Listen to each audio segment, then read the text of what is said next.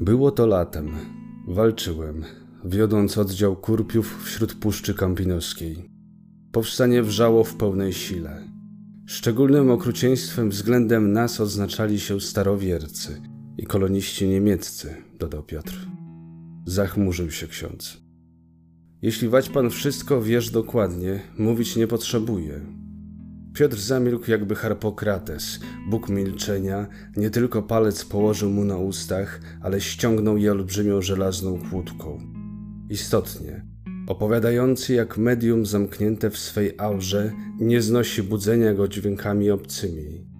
Widać było, że ksiądz zapada w mediumizm swych myśli. Był oddział ze samych starowierców, strasznie fanatycy. Nas mieli za wcielonych diabłów, służących antychrystowi. Wieszali bez pardonu każdego powstańca. Wtem pikiety doniosły mi, że ten właśnie oddział starowierców, złożony z samego ochotnika, a więc nieobjęty kodeksem wojny, kąpie się w wielkim stawie pobliskiej wsi. Zrozumiałem niezwykłą sposobność, gdyż obecność mego oddziału nikt z nieprzyjaciół nie podejrzewał. Owszem, sądzili, że znajduje się o mil dwadzieścia, gdzie byłem dnia onegdajszego. Wziąłem jedynie oddział kawalerii, każąc kurpiom pieszym iść forsowym marszem przez lasy na przełaj. Co pary w końskich płucach gnał szwadron, to jest około osiemdziesięciu ludzi zbrojnych w najlepsze sztucery, piki i szable. Przelecieliśmy jak wicher przez wieś. Wypadliśmy przed staw, który był głęboko wśród wzgórz. Jeszcze nie było widać kąpiących się. Starowiercy zachowali się z dziwnym jak na wojnie podjazdowej niedbalstwem. Nie postawili czat. Kazałem kawalerzystom mym co prędzej okrążyć i łańcuchem staw zagarnąć. Na me silne gwizdnięcie nagle wdarli się ku wzgórzom, celując ze sztucerów w gromadę hałasującą, chlupiącą się w wodzie z dzikim radosnym rozuzdaniem. Spiekota bowiem była straszna, samo południe. Ujrzeli nas, jakby demonów śmierci, nastała martwa cisza. Nie mogli uchwycić broni. Ta była w kozły złożona na łące, nieco z dala od brzegów. Zresztą strzelać w górę pod słońce nie przydałoby się na nic. Staliśmy, biorąc ich na cel jak kaczki.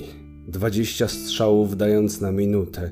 Mogliśmy w ciągu minuty położyć 1600 trupów.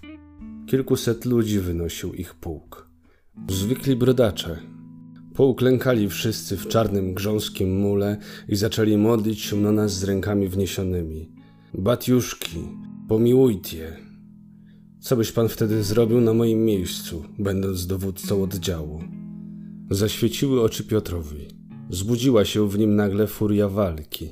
Srogie oczy walkirii z lancą lecącej zabłysnęły mu fosforem piorunującym. Wystrzelałbym bez pardonu co do jednego. Ha, mieć naraz kilkuset takich. Wystrzelałbym mierząc nie w głowy, ale w środek ciał, aby długo męczyli się, ginąc na skwarze. Miałbym uznanie dla wojska właściwego, które spełnia swą powinność.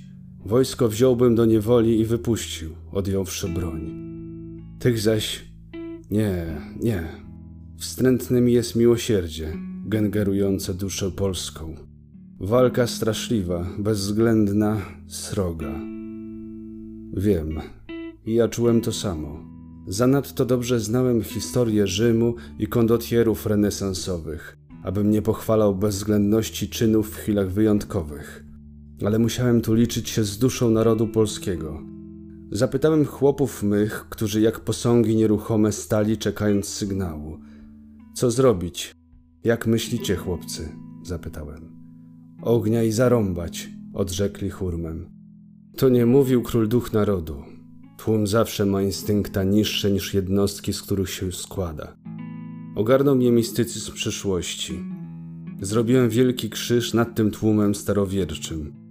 Kazałem broń zabrać, złożoną w kozły. Zażądałem przysięgi od starowierców, że dobrowolnie wstąpiwszy do wojska, dobrowolnie wyjdą z szeregów. Nie wiadomo czemu wszyscy, i moi dzielni kurpiowie, którzy już przybyli od lasa gotowi walczyć, mieli też łzy w oczach. A to było z radości, że dusza zaprzeczała faktom zwierzęcości. Pozwól mi rzec, księże, co sądzę. Dusza gubi wszystko w Polsce. Za górnie, za mistycznie, za niemożebnie chcemy mieć życie. I dlatego życie realne przeobraża się u nas w taką nędzę. Minęły czasy tych wielkich idylii, które opisywał Lenartowicz. Sianorzęcie, kociołek, zbieranie malin. W Polsce zabrudziło się życie ziemne, bo gdzieś na niebie malowano freski. Zemściły się ideały. Upokorzenia młodości w gimnazjum, nędza rodziny, najbrutalniejsze traktowanie idei odrodzenia przez tłumy żujserów, sądzących świat z wyżyn automobilu, gumowej dorożki i prosperującej kamiennicy. Trzeba silnej żelaznej pięści, która by samych Polaków umiała utrzymać w karbach. Ta pięść musi wznosić jednocześnie bramę wolności i posłuszeństwa. Czy w czasach waszych znano tę mękę, gdy wojownicy zmieniali się w bandytów, a naród niewalczący w gromadę tych brudnych, brązowych antylop, zwanych guanaki, które kopią, kąsają i plują, kiedy do nich podejść z zamiarem rozwarcia bram ogrodzenia? Bandytyzm w powstaniu? A jakże miało być inaczej? Naród, który nie zwycięża, musi chemicznie rozłożyć się na tchórzów i rzezimieszków, chyba że głęboka wiara utrzyma ludzi i nawet wzniesie na wyżyny rozwoju jeszcze doskonalszego, pracy pełnej ofiary i zaparcia się.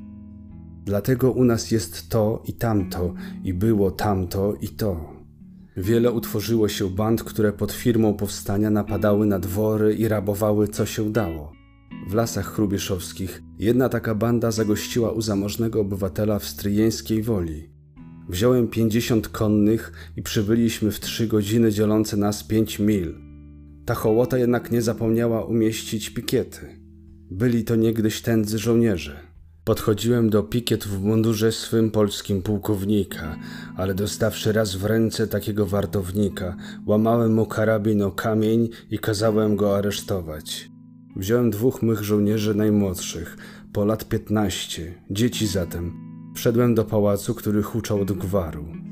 Wtem ujrzawszy, iż na pierwszym piętrze odbywa się orgia, posłałem po czterech starszych żołnierzy i wachmistrza. Malców mych postawiłem u wejścia – z żołnierzami wkroczyłem na górę, rozwarłem drzwi. Kilkudziesięciu bandytów z orzełkami u czapek buzowało przy stole, na którym obok mięsiw i antałów z winem leżały nagie dziewki folwarczne. Można było je odróżnić po grubych stopach i potężnych torsach od delikatnych panien. Zresztą, te były zalane łzami. Strasznym był widok ich ojca obywatela, który powiesił się na żerandolu, nie mogąc tego przeżyć. Wyuzdanie przelewało się poza wszystkie tamy. Tylko dowódca ich siedział ponury z głową opuszczoną. Słyszałem, iż był to człowiek, który wściekł się i zawziął w sobie na los, a to z powodu, że tyfus plomisty zabił mu niedawno żonę i troje dzieci. Ten w swoim rodzaju bajroniczny Lara, mszczący się na losie Bogu, mógł wzbudzić litość, ale nie było już dla niej miejsca w mem znieważonym honorze Polaka. Cztery karabiny kazałem wymierzyć w łby najbliżej siedzących i wstąpiwszy do sali, donośnie krzyknąłem: Waruj, łajdactwo! Porwał się tylko dowódca ich, spojrzał na mnie i z flegmą wymierzywszy sobie skrócicy w usta, wypalił. Usta wypełniły się dymem i krwią, runą. Nastało milczenie. Krótko, nie szczędząc barw na odmalowanie nikczemności, wykazałem im, co uczynili. Nastała tu jak dla starowierców spiekota, tylko ze wstydu na policzkach. Jednemu za drugim kazałem wychodzić. Każdemu z nich zdzierałem szlify.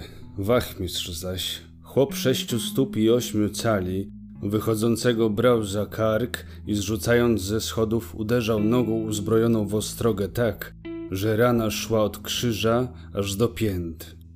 Folwarcznym dziewkom kazałem rozdać medaliony z Matką Boską i puścić wolne.